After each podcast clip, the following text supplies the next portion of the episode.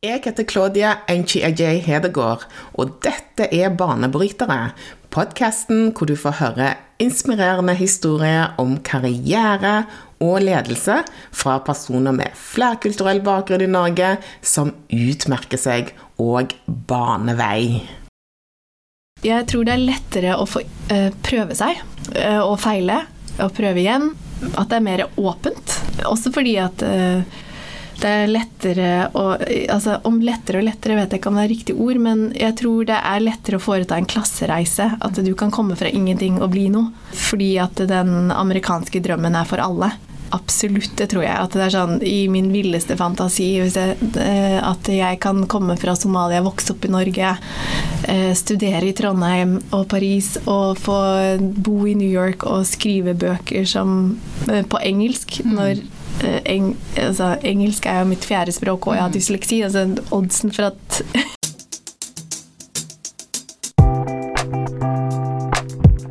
Dagens gjest gjør suksess i USA som forfatter og forlegger. Roda Ahmed er CEO og grunnlegger av forlaget High Tree Publishing, og har på kort tid kapra profilerte kunder som Kelly Rowland.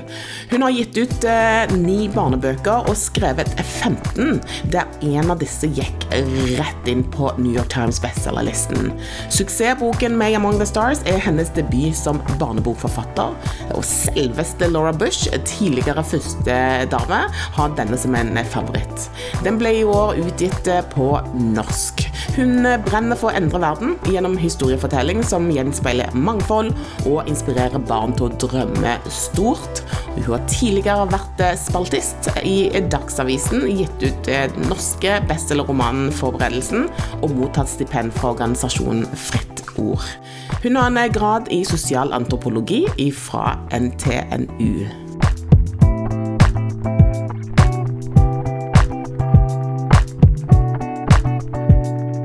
Velkommen til Banebrytere. Tusen hjertelig takk. Jeg er superfan, så jeg prøver å bare ikke fangirle akkurat nå. Men oh. for et podkast, og tenk for en gave å få være gjest. Så utrolig hyggelig å høre. Nå altså, kjenner jeg jeg ble litt sånn uh. altså, Fins det så mange inspirerende mennesker i Norge som jeg aldri har hørt om? Altså Takket være deg, så tusen hjertelig takk for dette her. Det er en ære. Du er jo hjemme på ferie, så mm -hmm. det var veldig kjekt at vi fikk eh, mulighet til å treffes så får jeg eh, høre historien din sammen med andre. Hele Norge får høre historien til Roda og hennes ferd. Det blir gøy. Det er fint at du vil høre den. Eh, ja, tusen hjertelig takk. Det har vært litt av en reise. Livet er jo en lang reise. Det er det. Evig læring. Men du bor i LA, ja. og du har bodd mange år i New York. Ja og så nå er du hjemme på besøk. Hvordan er det når du kommer hjem på besøk? Altså, jeg, jeg, elsker å komme hjem til Norge på sommeren. Vi er i Oslo på sommeren, og skjønner ikke hvorfor alle drar fra Oslo på sommeren. Det er jo mm, en fantastisk ferieopplevelse hver gang. Vi har familie og venner og gudbarn og tantebarn, og, så det er sånn stor familiefest eh, hver hjemme. Så vi er litt typisk innvandrere at det er sånn så fort det er ferie, så reiser vi tilbake til hjemlandet. Ja. til hjemlandet vårt. Så det er kjempegøy. Eh, utrolig gøy for eh, barna våre, Idil og Isak, å få ta del i å ta bussen alene og T-banen og få lov til å bare være frie på en helt annen måte enn det man er i USA. Så det er kjempegøy. Hvordan, eh, hvordan da? Nei, bare eh, Vi bor jo i LA, så det blir veldig mye kjøring, veldig mye planlegging. Eh, mens i Norge så ser du en syvåring på bussen alene. Det ser du aldri i LA. Nei. Det er ikke noe kultur på det. Så kulturforskjellene på hvordan barn ferdes i samfunnet er helt annerledes. Mm. Så det er litt mer struktur og beskyttelse, og ja, det er jo store strekninger også. Så, mm. Og det er ikke noe kollektivtrafikk på den måten. Så ja, så de elsker å komme og rutekort og bare ja, 'Kom igjen klokka seks, vi skal dra på kino.' Og så drar de alene på kino med kusinene sine, og det er kjempegøy. Så det er veldig fint at de får litt den del av den oppveksten jeg hadde når jeg var liten også. Føler du at du ivaretar eh, verdiene som du tar med deg fra Norge? Ja, absolutt. Mm. Absolutt. Det har jo alltid vært veldig fint å tilhøre mer enn én kultur. Jeg vokst opp i Oslo, på Bygdøy. Eh, men kommer fra Somalia. Og nå så er vi nordmenn og somalere i USA. Eh, så det er Du blir veldig klar over hva, hvem du er, hva du står for, hva du liker av det samfunnet du er i, hva du har lyst til å ta til deg, eh, hva du ikke har lyst til å ta til deg på den måten. Eh, så det er veldig komplekst, men også utrolig inspirerende. Savner du å bo i Oslo eller slash Norge? Norge har vært et veldig fint sted å vokse opp, mm. men jeg er utrolig glad for at vi dro til utlandet. Og det, eh. og det, vil jeg høre mer om, hvorfor du er så glad for å bo i utlandet. Eh, men, eh, så du tror ikke at du noen gang kommer til å flytte tilbake? Det er liksom out of the question, eller? Nei, jeg tror vi har det beste av begge verdener. Absolutt.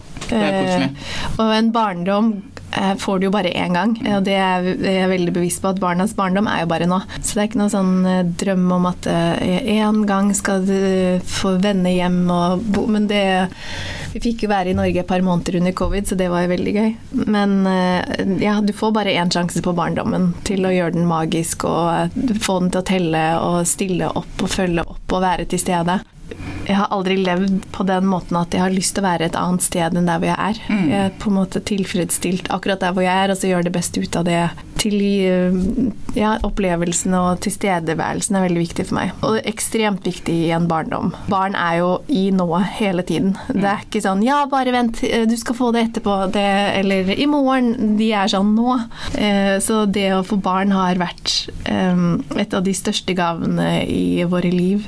Eh, og jeg elsker barn. Altså, jeg er helt obsessed med barn. Eh, jeg har 17 eh, tantebarn og 12 gudbarn. Oh my goodness. Jeg vet, jeg er skikkelig populær yeah. gudmor. Yeah. Altså, jeg, er du sånn kul tante? Jeg er kjempekul tante. Er du det? Ja, jeg er det. Og alle mine venner har fått barn, og så får de mer enn ett barn. Og så ja, så jeg er sånn tante Råda. Ja, kult. Så, så uh, det er skikkelig gøy og gave. Så jeg er alltid på barnas lag. Ja. Jeg òg har mange uh, tanteunger, da. Ja, hvor mange tantebarn har du?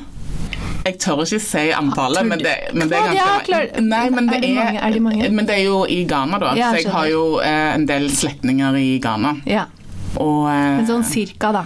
Sånn cirka Mellom 5 og 10, eller 10 til 15, eller sånn hvis du mellom, skal velge? Mellom eh, 25 og 50. wow. Og du vinner. Og det er mange. Så jeg har, jeg har nok barn i eh, ja. livet mitt, kan man godt si, da. Ja. Men uh, ja, det er utrolig hyggelig. Og så har jeg eh, tanteunger her i, uh, i, Stavanger, da, i Stavanger, da. Ja. Um, Sånn at der får jeg eh, være en eh, kul eh, tante. Ja. Så det er bra. Ja, jeg elsker å leve i barnas verden. Den er så den er så fri og så leken og så full av latter, og, og, alle følelsene bare syns. Du får på en måte vite hva de føler og tenker akkurat der og da. Det er ikke mm. noe, det er ikke noe mer enn det du ser, og det er mm. det som er så fint med barn. Det er så gøy at du også Du vinner. Jeg trodde jeg hadde flest tantebarn, men ja. Eh. I win. du vinner. men eh, Roda, da jeg eh, først ble oppmerksom på deg mm. Det var en artikkel eh, som eh, eh, fortalte litt om din, din, journey og hva du får til nå i USA. Og da tenkte jeg wow! Hun her er on a mission. Det var veldig veldig gøy å se, og da tenkte jeg hun her har jeg lyst til å ha på min podkast. Og du har gitt ut en eh, roman for en del år siden, 'Forberedelsen', som eh, var bestselger i Norge. Og så De siste årene så har du eh, gitt ut flere eh, barnebøker. Eh, og Noen av disse her har gått eh, rett inn på eh, New York eh, Times bestselgerlisten. Og bare sånn at lytterne forstår hvor kult det er, er at New York Times bestselgerlisten er en prestisjefylt liste. Så det er, ikke, det er ikke hva som helst. Det kan vi bare si med en gang. og, og du har òg profilerte kunder og tidligere førstedame Laura Bush, hun har den ene boka di, eh, May hos stjernene som, eh, som, en av eh, sine favoritt-barnebøker. Så dette her høres ganske kult ut, Roda. Hva ja. tenker du? Jeg ser at du, du, du rødmer litt, eller? Når jeg sier alt dette her. Hva tenker du? Ja, nei, det er gøy. Tusen takk.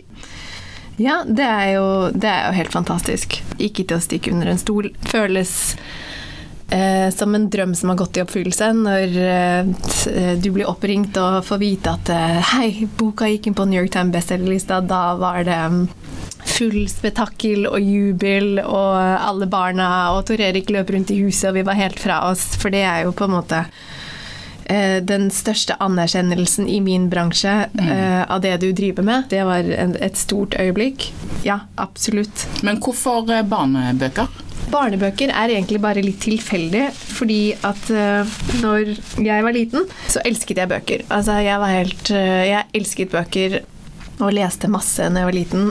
Og så var det ikke så veldig mange barnebøker som lignet på meg.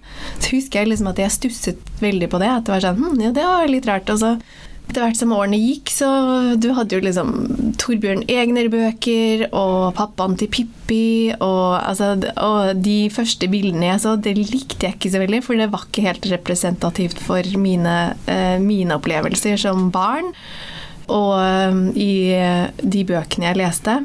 Eh, og så går det da ja, 20 år frem i tid for egne barn. Vi bor i USA, eh, bor i New York, og så begynner jeg å lete etter bøker for, for de. Og så tenker jeg men her i USA her er det jo flere brune mennesker, så det samme problemet har de jo ikke, ikke sant, som i Norge. Men så oppdaget jeg at det var en hel bokhylle som bare manglet. At det var det samme problemet i bokhyllene der som det var i Norge når jeg var liten, og det syns jeg var litt leit. Eh, så når barna var små, så hadde jeg en sånn strategi med at eh, jeg bare valgte eh, dyrebøker og grønnsaksbøker, sånn at de ikke skulle merke det. Og det fantes jo noen fantastiske barnebøker også. Men de fleste barnebøkene handlet ofte om store temaer som ikke er passende for et lite barn som ikke kan lese, ikke kan skrive, ikke kan snakke.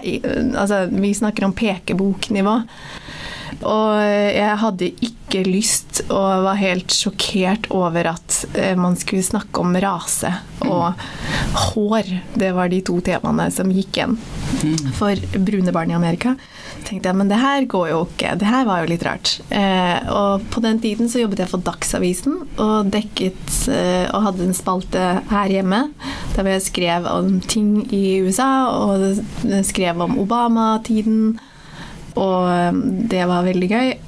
Så da bestemte jeg meg for at det må vel finnes noen som har gjort store ting, som ikke er relatert til eh, hvor vanskelig det er, eller rase, eller sånn. Folk som bare inspirerer pga. livsreisen sin. Så oppdaget jeg at det hadde vært en afroamerikansk dame i verdensrommet. En astronaut som jeg aldri hadde hørt om. Så begynte jeg å spørre rundt. Sånn, hei, Visste du at det har vært en afroamerikansk dame i verdensrommet? Og folk bare nei, nei.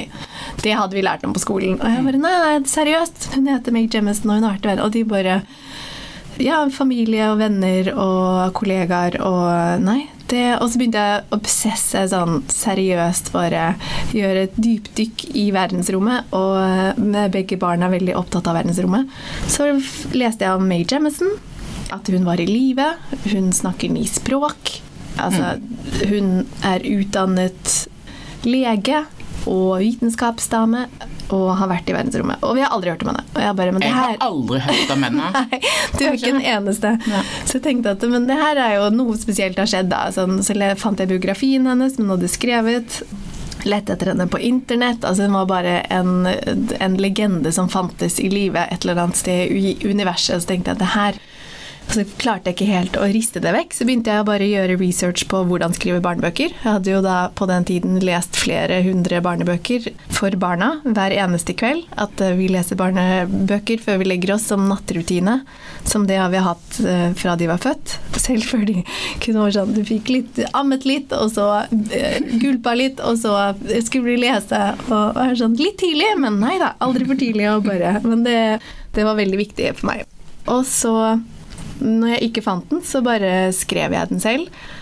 Og det eh, som er eh, Som var ideen bak det, var eh, hvor det var en historie der hvor hun hadde fortalt at eh, hun alltid drømte om å reise til verdensrommet. Det var hennes ultimate drøm i livet. Når eh, hun søkte, så var det 2000 søkere. Og hun fikk plass i astronauttreningen og dro til verdensrommet og ble astronaut, og det var det siste vi hørte om henne. Så tenkte jeg nei, det her har jeg lyst til å gjøre noe med. Um, så da, i og med at uh, Husker du når internett kom? Ja. Ikke sant? For det er liksom sånn Vi høres, vi høres ut som vi er gamle damer. Ikke sant? Det jeg husker at vi gikk på videregående, og vi skulle lære å bruke datamaskin, og den hadde sånn oppringningslyd og Men jeg husker da eh, når internett kom, men eh, tenk deg for en tid vi lever i nå, at du kunne bare eh, gå på internett. Du kan søke deg til absolutt alt. Så jeg brukte bare internett som, eh, som, eh, som research tool. Og så fant jeg en illustratør på Etsy som jeg aldri hadde møtt, og så sendte jeg henne mail og sa å, jeg elsker tegningene dine, jeg har en visjon om å lage en barnebok om eh, USAs første afroamerikanske astronaut, kunne du tenke deg å illustrere den?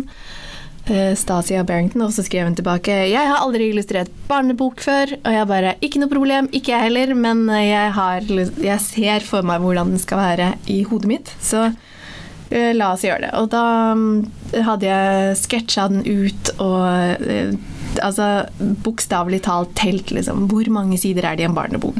Hvor um, lang er hver setning på hver side? Hva er en dobbel tegning? Hva er en enkel tegning? Altså helt sånn super, super basic på det. Og så lagde vi den. Eh, og så introduserte en venninne av meg I USA forskjellen på Norge er at du må ha en agent som eh, representerer deg for å sende inn til forlaget. Sendte inn til forlaget på Harper Collins, og de antok den med en gang. Og vi satt i møte, og da sa de to ting som eh, på en måte var med på å forandre kursen videre i livet mitt. Og det var at eh, vi ante ikke at det har vært en eh, afroamerikansk dame i verdensrommet. Helt sykt. Eh, Det er helt så, utrolig. Ja, så det var sånn wow, det, det er et av USAs største bar, altså, barnebokforlag. Og eh, den andre tingen de sa, var at um, vi antar aldri en bok som ser sånn ut. Og det vi mener med det, er at dette er en ferdig bok. For i og med at jeg ikke visste hvordan barnebøker var laget, så lagde jeg den på min måte, og det var at jeg skrev den, fant illustratør, satte den sammen, så den boken som er ferdig i dag, eh, ser identisk ut. Det var kanskje en liten tweak med forsiden og alt. Eh, Og det syns jeg også var litt rart. At hvordan skal en forfatter og en illustratør ikke bestemme hvordan en bok ser ut? Det er det forlaget som gjør. Så når du skriver, du er forfatter, du gir oss manus, vi finner illustratør, og vi setter sammen boka for deg. Så jeg hadde da, uten å vite om det, eh, hoppet over et ledd og tenkt at å, men det var jo interessant at mm. det lages på den måten. Og det er jo at um, når man ikke vet, så har man også større frihet til å finne ut av det. Så det var egentlig sånn den kom til. Men den boka har jo blitt en kjempesuksess. Ja, den gjør det fint. Eh, Den, eh, den lever sin egen, sitt eget Ja. liv, har Jan ikke det? Ja, den Ja. gjør det. Så den er i eh, 19 opplag, tror jeg, i USA. Og det er jo som å ha et barn som bare er ute i verden og har, har, sin egen, har sine egne venner. Og jeg elsker tanken på at eh, jeg er en liten del av noens barndom. At mm. mennesker du aldri kommer til å møte, har barn eh, som de har kjøpt boken for, eller leser boken for, og at det er en liten del av deres barndom. Så når de blir store, så kan de se tilbake og si 'Å, den leste jeg når jeg var liten'. Ja. Så det er, utrolig, det er et utrolig stort privilegium jeg ikke tar lett på. Og dette er jo en bok som, som handler om å eh, drømme stort. Ja. Og, og tørre å gå etter drømmene sine. Mhm. Og den er jo nylig oversatt eh, til norsk, Ja, stemmer ikke det? Den kommer ut på Kagge forlag nå i slutten av juli, tror Ja. Så det blir jo spennende å se. Da heter den 'Med hos stjernene', så den oversatte jeg selv på Mm. norsk. Eh, Men hvordan, du, hvordan eh, tror du at det budskapet blir, blir mottatt Du, i det er jeg så spent på, altså. Ja. Altså. Jeg tror jo at barn er like over hele verden. Og når man er liten, så har man en uendelig stor drøm om hva, eh, hva det vil si å være voksen og bli voksen. Mm. Og hva slags drømmer man har. Man er jo så fri, ikke sant. Hva ville du bli når du var liten? Det er mye jeg hadde lyst til å bli, da. Så jeg eh, Ja. eh, Det var alt ifra en entertainer til Mhm. en eh, business, hardcore corporate woman. Du har jo blitt begge deler, Ja. da. Så det kan du jo si til lille Claudia at det fikk hun til! Det er bra Ja. jobba. Så, så jeg hadde jo ja, flere, flere ting som jeg drømte om også bli. Mm. Um, jeg hadde lyst til å så, eh, bli en uh, kabinpersonell og liksom ha på meg de der flotte de uniformene. Ja, jeg Eh, hadde så- også lyst til ja. flyvertinne, helt til jeg fant ut at jeg var litt redd for å fly. Ja, nettopp. sant? Så jeg hadde jo, jeg hadde jo en, eh, en hel haug med ting som jeg bare drømte at jeg skulle, jeg skulle bli. Mm. Ja, men Det er jo så fint, så det blir jo veldig spennende å se, fordi at uh, i det amerikanske samfunnet så er det det å drømme stort Du, kan, du er velkommen inn i landet vårt Mm. eh, så lenge du jobber hardt eh, og, eh, og følger regler, så er alle muligheter åpne for deg. Eh, og det er jo også helt fantastisk at eh, du kan jeg kan skrive en bok som eh, er god nok til å konkurrere i det amerikanske samfunnet. Men til syvende og sist er det jo barna som bestemmer om de liker boken, eh, og om de har lyst til å lese den på nytt og på nytt. Så det har jo vært en utrolig stor bonus og gave. At etter boka kom ut, så ble den jo utsolgt etter to uker. Og Det er helt utrolig. og så gikk det Ja.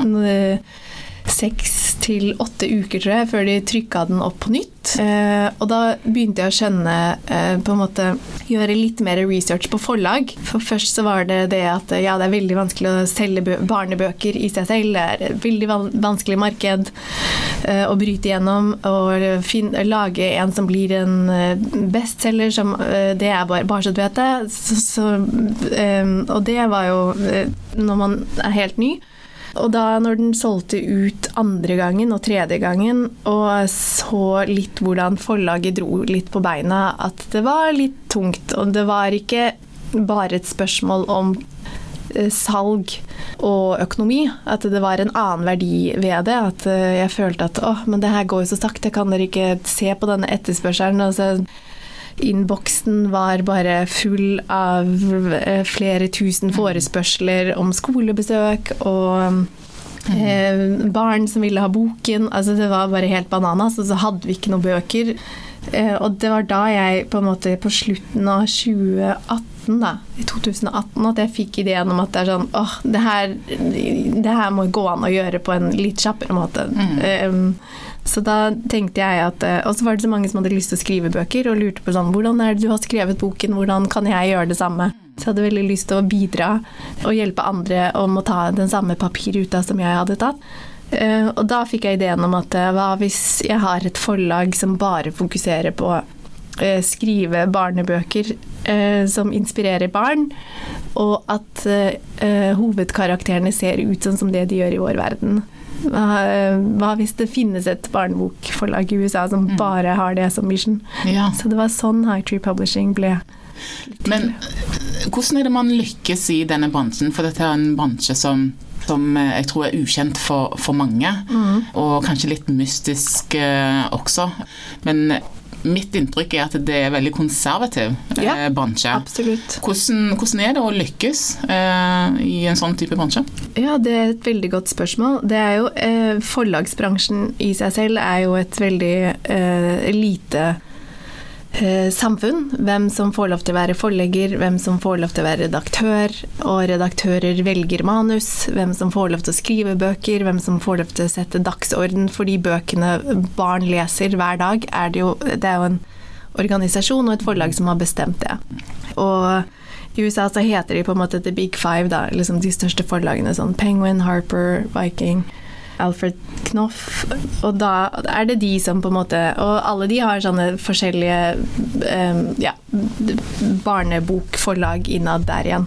Så det er jo en utrolig stor bransje. eh, Veldig vid og veldig bred, men også da at alle som sitter rundt bordet og alle som bestemmer, har samme bakgrunn, samme utdanning, samme, øh, kommer fra samme sted, gått den samme skoleveien. I, sånn som alle andre bransjer, vil jeg si. Eh, og utdanning er jo den ultimate makten i verden. Eh, og historiefortelling er jo sånn eh, vi ser på Verden er jo hva, gjennom hva vi blir fortalt om hvem som er viktig. Og når du da ikke fins i bøker, da, så si sånn som meg, at hun ikke finnes i bøker og historier vi forteller våre barn, så er det jo som om hun ikke eksisterer. Så minuttet du gjenforteller en historie, så lever hun. Så lever hun. Og da kom hun til live. Så Mm. det som eh, var eh, den fantastiske reisen med den barneboken med eh, hos stjernene i USA, var jo at det fantes et marked. Um, det, altså, sånn, folk så den, leste den, og den handler jo om en liten jente som vil bli astronaut, og læreren som sier nei, kanskje du skal bli sykepleier, og så blir hun lei seg, og så drar hun hjem, og så sier mamma nei, nei, du må jo ikke tro på henne hvis du kan drømme det, hvis du kan tro på det, og hvis du jobber hardt for det, så er alt mulig. Og det er essensen i i historien, men jeg tror også i alle barnefortellinger er jo at man vil gi håp.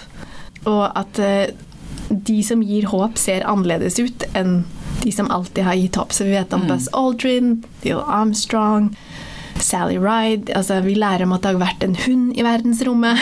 Ja, ikke sant? det visste ikke jeg heller.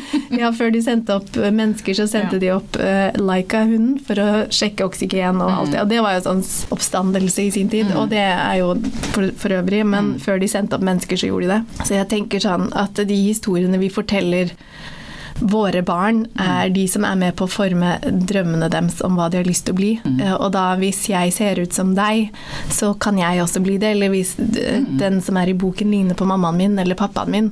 Så det gjør noe med deg. Ja, det gjør det. Det er jo veldig kraftfull, da. Ja, det er ekstremt kraftfull. Og før vi lærer å lese, så ser vi jo på bilder. Det gjør man. Eh, Sånn at da var det eh, eh, Jeg tror egentlig mest at det var bare naturlig etterspørsel. Ja, og det som jeg syns er veldig eh, Altså, jeg, jeg elsker jo det arbeidet og den misjonen som du har nå, eh, om at du ønsker å endre eh, narrativet. Du ønsker å endre bransjen, og at du ønsker å gjenspeile hvordan verden faktisk er. Mm. Altså, jeg syns det er helt fantastisk. takk. Eh, så, så det må du bare fortsette med. Takk. Men så er det sånn at eh, hvis vi skal tenke på forretningssiden Du har tappet into a market Ja. som kanskje blir undervurdert. Ja. For ofte, syns jeg. Ja. Og, og der ser man jo resultatet. For nå viser du at det, det er et marked her som eh, overhodet ikke er blitt tappet inn på.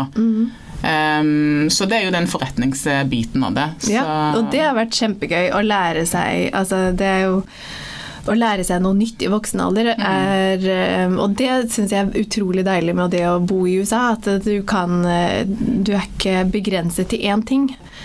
Du kan ha mer enn én identitet, da. Eh, Som et menneske, tror jeg, uavhengig av hvor du kommer fra. At du kan være Jeg er noens mamma, jeg er en forfatter, jeg er en kone, jeg er en forlegger, jeg er en venninne. Altså du kan være så mange ting. Det har jo vært den største overraskelsen. Altså, jeg elsker jo mennesker, og jeg elsker barn. Jeg elsker bøker og historie, så det er på en måte litt som å bare tatt alle tingene jeg elsker på jordkloden, og så bare putta i én ting. eh, Og finne mennesker eh, å jobbe med nå enn apropos før vi hadde internett. At jeg kan sende, finne en illustratør på Instagram og sende en mail og opprette en kontakt, og så ha et par møter, og så beskrive et prosjekt, og så at den personen får en jobb til å lage det prosjektet. og at vi kan jobbe på kryss av grenser og kjønn og religion og utseende. Altså, det fins jo ikke en bedre bransje å være i enn at det skal sitte et kontor med ti mennesker som skal bestemme. At um, nå er det sånn Jeg tror det som skjer i bokindustrien nå er utrolig spennende. Det er i endring. Um, litt sånn som det som skjedde med musikkbransjen i sin tid, at du måtte ha et plateselskap og en manager. Og nå er det sånn folk loader opp ting selv. ja, det er jo akkurat det. Alle Ja. er content producers. Alle er content producers, på godt og vondt. På godt og vondt. Men at det er um, at, Og det, det er lettere å finne hverandre uh, mer enn før. Eh, Du kan selv bestemme hva du har lyst til å bruke penger på akkurat nå. Om du har lyst til å kjøpe denne type boken eller denne type boken. Og jeg tror at når det fins flere alternativ og flere historier å ta av, så, eh, så velger man jo det som føles mest naturlig for en selv. Og jeg tror vår generasjon og den under er Der er det ikke noe tvil om at eh, vi hører på samme musikk, vi leser forskjellige samme bøker, vi ser på de samme seriene. Altså, den, den mangfoldet som eksisterer på det nivået her, det gjør meg så glad. Ikke sant? Er det ikke helt Altså, det er så gøy å på en måte få være voksen i denne tiden vi lever i, og at barn kan vokse opp med det, det syns Ja. jeg er helt spektakulært. Men er det lettere å lykkes i USA?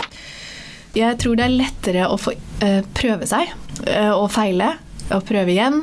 At det er mer åpent. Også fordi at eh, det er lettere å altså Om lettere og lettere vet jeg ikke om det er riktig ord, men jeg tror det er lettere å foreta en klassereise. At du kan komme fra ingenting og bli noe. Fordi at den amerikanske drømmen er for alle.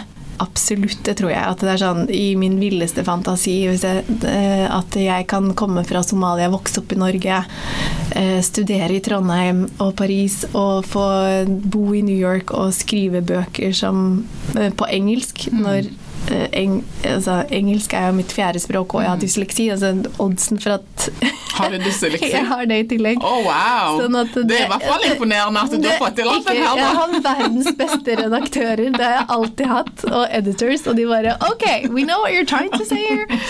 Um, og, um, men jeg tenker jo også som så at jeg fikk jo mitt første gjennombrudd her.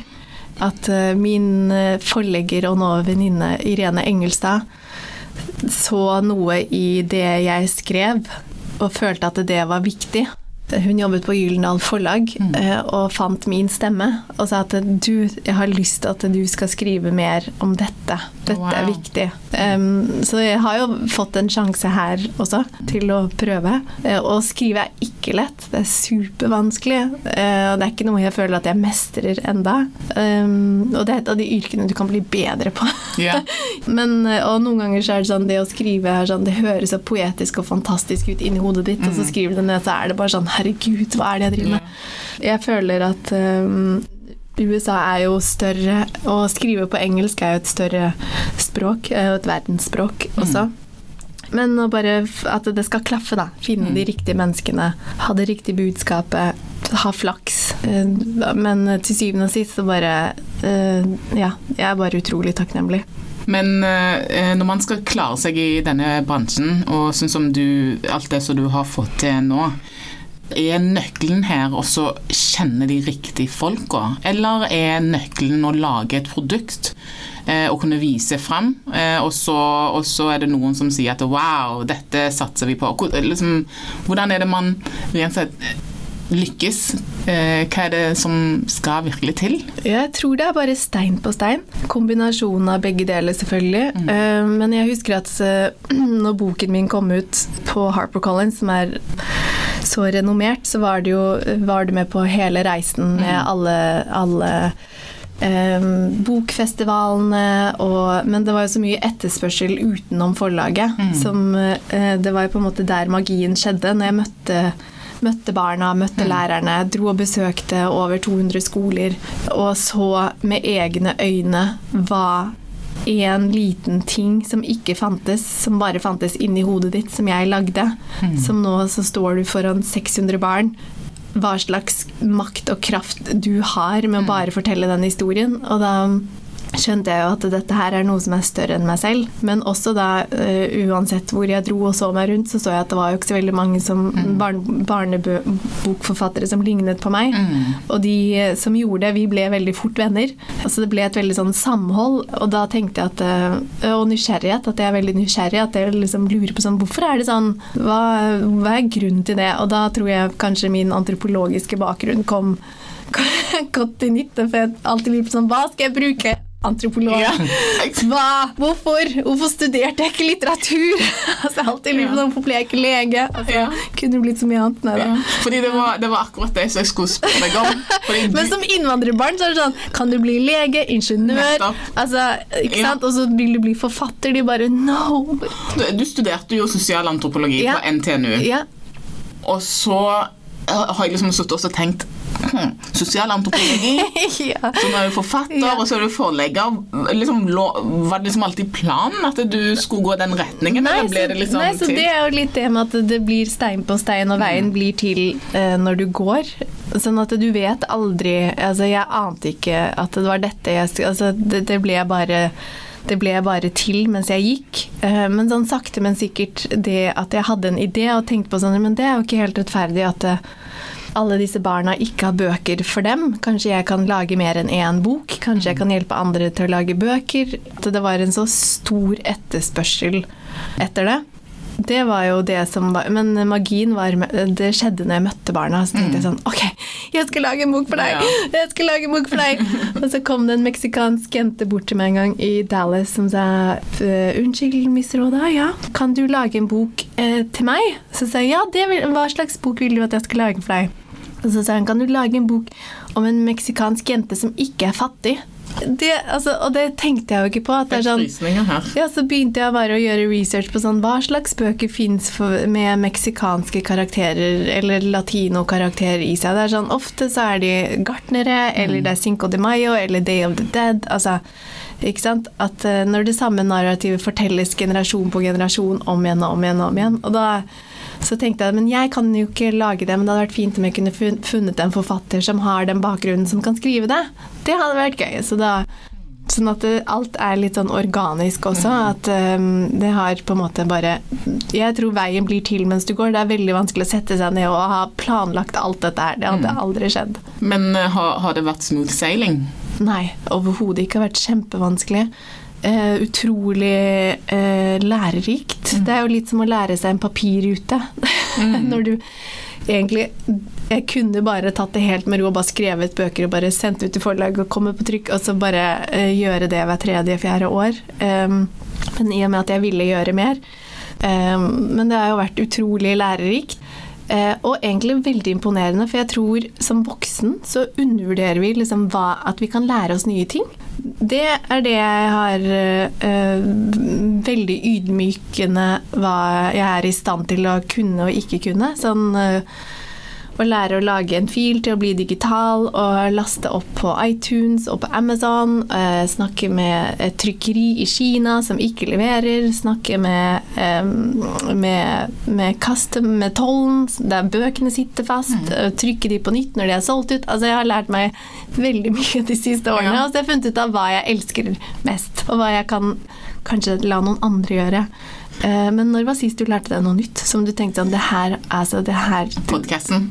Ser du der! For du tenkte Altså, jeg bare sa til deg når du satte opp i stad, det her er så imponerende. Du plugger inn, det er mikrofon, det er Du loader opp og laster opp. Sånn Var det Det, det, det er jo utrolig eh, Hvordan var det? Altså, Nei, det at du bare tenkte sånn Nå, jeg skal gjøre dette her. For det her er ganske sånn teknisk Altså, det skulle ønske lytterne dine kan se dette oppsettet. For det var ganske avansert, og du måtte forandre stillinger, for du hadde en Zoom i går, og du justerte på mikrofonen. Altså det her, ja. Men eh, dette her med banebryter, altså denne podkasten her, eh, var jo en, en, en, et konsept som jeg har gått og båret på i to år. Mm. Så det var egentlig først i fjor, eh, september, at jeg da bestemte meg for å, å, bare komme i gang med det. Hadde ikke peiling på podkastproduksjon. Contact production, hva er det for noe? Um, så, men, eh, men, jeg fant ut av det, og mm. apropos det å lære som i, i voksen alder. Altså, jeg måtte starte fra scratch. Jeg måtte finne ut hva mikrofon jeg skulle bruke. ja. og jeg visste ikke at det fantes så sykt mange ulike eh, eh, mikrofoner og redigeringsprogrammer og det ene og det andre. Så, så, det er et godt eksempel på det som du sier her. Og det var definitivt utenfor min komfortsone. Det var mm. så ubehagelig. Mm. Um, men eh, det har jo gått fint, da. Ja, det har gått kjempefint. Så. Jeg mener at dette her burde være sånn på Riksradioen og på TV eh, for alle de gjestene du har hatt, og det de driver med, og bakgrunnen det er så inspirerende at det er jo både at det er banebrytende, men også inspirerende, for ofte så får vi spørsmål om å snakke om innvandring eller rasisme. Eller er sånn 'Nei, nå har jeg deg endelig her, og du er fra Somalia', ikke sant? Hvordan er det å være innvandrer i Norge? Yeah. Kanskje ikke snakke om Somalia-problemer. Ja, ja, det blir litt sånn, ja. At uh, det er fint å få uh, fokusere på karrieren og jobben sin. Det her burde vært på NRK, syns jeg. Claudia. Du får skrive til Jeg skal gjøre det. Jeg skal gjøre det. Men, men, Føler du at du lever, lever den amerikanske drømmen, Roda? Ja, det var et stort spørsmål. Jeg tror jeg lever eh, Jeg føler at jeg er i en, en livsdrøm. Absolutt. Og den amerikanske drømmen er jo for alle. Så det føles jo virkelig at når man har dratt til Amerika, havna på New York Times bestselgerlista, så er det sånn herregud, jeg fikk det til i, i, bransjen. Men jeg føler at absolutt at det har vært et privilegium og en reise uten sidestykke. Det mener jeg. Men når vi er i USA, eller jeg er i USA, så er amerikanere ekstremt opptatt av Norge. Eh, og at eh, jeg, de ser på meg mer norsk når jeg er i USA enn jeg tror nordmenn gjør når jeg er i Norge. Eh, og det at det er sånn eh, Hvordan er det der? Går, eh, går alle i bunad? Altså, spiser dere pølse hver dag? Så jeg tror det er veldig naturlig at man har lyst til å bli spurt spørsmål om det er verdens beste land å bo i. Altså, det er jo det er jo Norge i utlandet Det er jo en, en gave å, å tilhøre å ha en oppvekst i Norge som man tar med seg ut i verden. Ja. Men føler du at du eh, har en competitive advantage nettopp fordi at du er eh, du ser ut som du ser ut, og folk forventer ikke at du skal si at du kommer fra Vikingland eller fra Norge, men føler du at det har vært eh, en, en, form for competitive advantage for deg når du skal eh, når, du, når, du, er forfatter og forelegger i USA?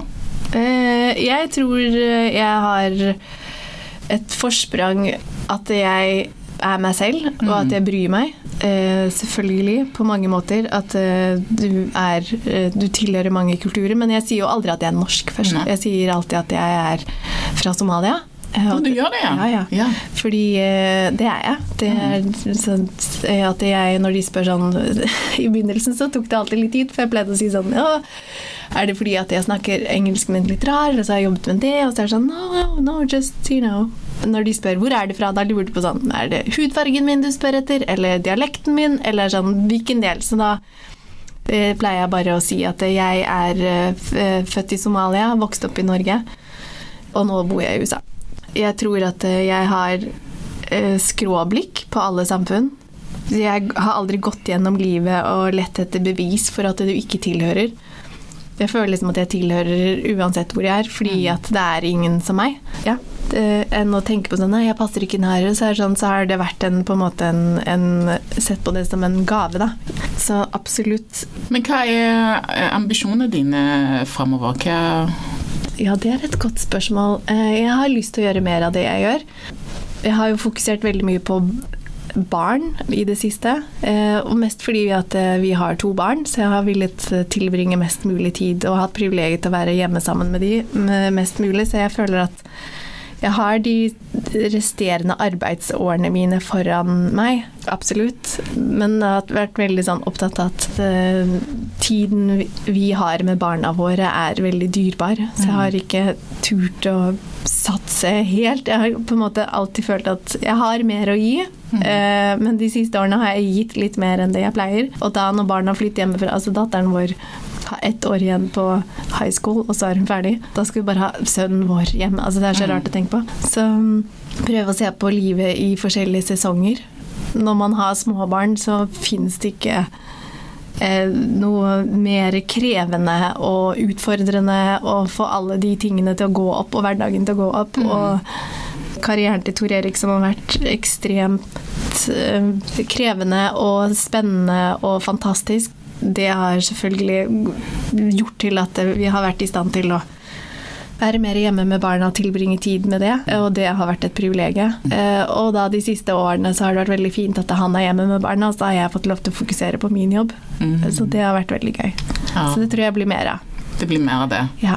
Så neste steg om noen år så har vi High Publishing Norway. High Tree Publishing Norway, ja, kanskje. High Tree Publishing. Ja, kanskje. Yeah. kanskje. Um, det blir i hvert fall spennende å se med uh, Nå som jeg er oversatt til norsk, så er jeg litt spent, altså. Jeg må mm. si det, Claudia. At det er sånn får Jeg håper norske barn også får lov til å drømme stort og være frie og eh, ikke Det er jo en annen, litt annen kultur på at eh, helst ikke ikke, ikke stikk deg ut for mye, for da får du den andre til å føle seg dårlig, istedenfor yeah. at nei, du, det at du gjør det bra, inspirerer meg. Ja.